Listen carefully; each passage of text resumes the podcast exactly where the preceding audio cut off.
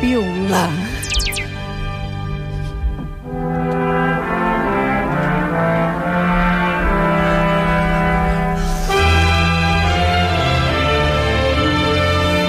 Eduard, Sí, digue'm. amb quin idioma piula el papa? Doncs, eh, no sé, eh, encara piula als 84 anys i piula de moment en dos llengües, que és l'anglès i l'italià. Molt bé, i en llatí no, perquè això és notícia que el papa piuli. És la primera piulada que ha fet? Sí, és la primera piulada que ha fet a través de Twitter. Mm, va fer-ho ahir al vespre. Avui Sí. ha entrat en activitat aquest canal, aquesta pàgina web de, del Vaticà, que és una Ah. pàgina informativa. I bé, o sigui, va escriure fins i tot un missatge, un petit missatge, en què vull dir, deia això, no? que Què deia, lloava Jesucrist i, i amb les seves oracions i benedicció obria aquesta nova pàgina web. Ara, és, diríem, la imatge és brutal, eh? El papa fent anar al Twitter.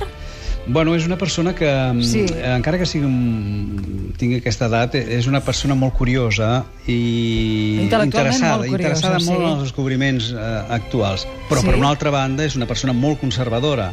Mm. Li agrada molt la tradició. O sigui, combina aquestes dues coses. Doncs jo no? trobo que hauria hagut de piular en llatí. Què vols que et digui? en llatí no, no, no, no l'hagués entès quasi ningú, perquè fins i tot Sí. els, els sacerdots actualment No ja no saben. estudien llatí, no? és veritat. No estudien llatí, els sacerdots? No, no estudia en llatí. Això em, em fa... Amb 30 o 40 anys ha desaparegut, de fet, eh, el llatí, no? Era abans la llengua de l'Església i... Però nosaltres aquí estudiem llatí encara. És perquè aquí tenim uh, les nostres senyores que ens ho diran, la Montse Guals i Elisabet Oliver. Heu estudiat llatí vosaltres? Sí, sí. I no I ho heu tant. estudiat per ser capellans. No, No, sou capellans, no, vostè. Això, això del capellà, del, capellà del, del llatí ho portem Això més bé. 30 anys, Ja, sembla que clar, no, això no, sé no. què està passant, eh? Es va estrenar el portal News, per tant, .va, que és el que ens està explicant molt bé l'Eduard, que aglutina les informacions emeses per altres mitjans de la Santa Seu, eh? Sí, o sigui, ells en tenen, tenen un portal, diguem, informa... aquest és un portal informatiu, de fet, no? Hi ha Sí. notícies del dia, del papa, de, de l'Església, internacionals també, però, però després hi ha la pàgina web institucional, que és el vatican.va, que aquesta és, mm, diguem, Mhm. Aquesta, la, sí. la pàgina que Aquesta tothom- m'entusiasma. Hi ha un moment que quan parla dels mitjans de comunicació, que explica l'element social, l'eix de la democràcia i tot això, que hi ha un moment que diu que són per a contrarrestar en castellà el tedio de la vida. Jo quan al Vaticà... Yes, eh? Parla del tedio de la vida. Escolta, això, això ara ho entenc que fem aquí. Estem per a fer disfrutar el personal, que el Vaticà ja ho veu, eh? Com Bueno, si o sigui, mm, aquesta, eh, aquests avanços eh, Sí? d'interès per la tecnologia els, ja els tenia Joan Pau II, Ah. però ell va començar sobretot en internet, va, va fer aquesta pàgina que et deia institucional, el Vatican va, però ell ha sigut el que ha donat més l'empenta últimament els últims anys i, i bueno, i, i, i ho ha fet, ho ha reafirmat ja més d'un cop, no? que, que diu que els mitjans de comunicació, si estan ben usats, són de fet un Sí. instrument de gran utilitat. Ho diu, no? diu. Sí, sí, sí que ho I diu, llavors, eh? eh? lògicament, a ell, amb, amb ell li interessa molt l'evangelització i això arriba a tot arreu, o sigui, és una manera Clar. d'evangelitzar, no? Ja va, va fa poc, ja, ja també va fer, ja va instituir també el YouTube Vatican, no?, que és una, també una altra manera d'arribar a la gent a través dels vídeos aquests en- de YouTube, o sigui que, Sí. vull dir, pràcticament ell està al dia en tot. I va escriure, estimats amics, acabo de llançar news.va. Lluat sigui el nostre Senyor Jesucrist. Sí. Amb les meves oracions i benediccions, Benet 16. Això és evangelitzar 2.0, eh? Sí, efectivament. Sí, eh?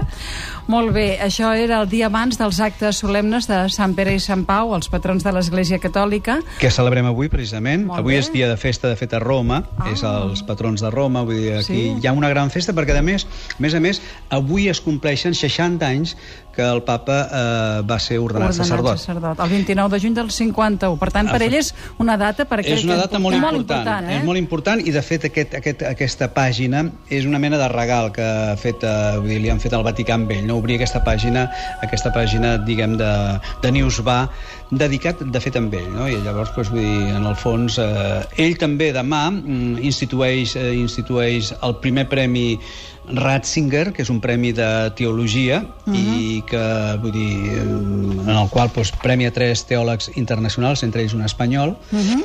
Olegario González de Cardedal, que és un professor de la Universitat de Salamanca, Sí? que és un sacerdot també, i bé, o sigui, ahir precisament estàvem parlant amb ell, eh, amb aquest sacerdot, que demà serà premiat eh, personalment pel papa, és un amic del Ratzinger i, i em va fer gràcia perquè mm, deia una cosa personal, diu, ha tingut tres desgràcies grans el papa, perquè ell era, volia ser un professor tota la vida, sempre ha sigut un professor des de que era molt jove.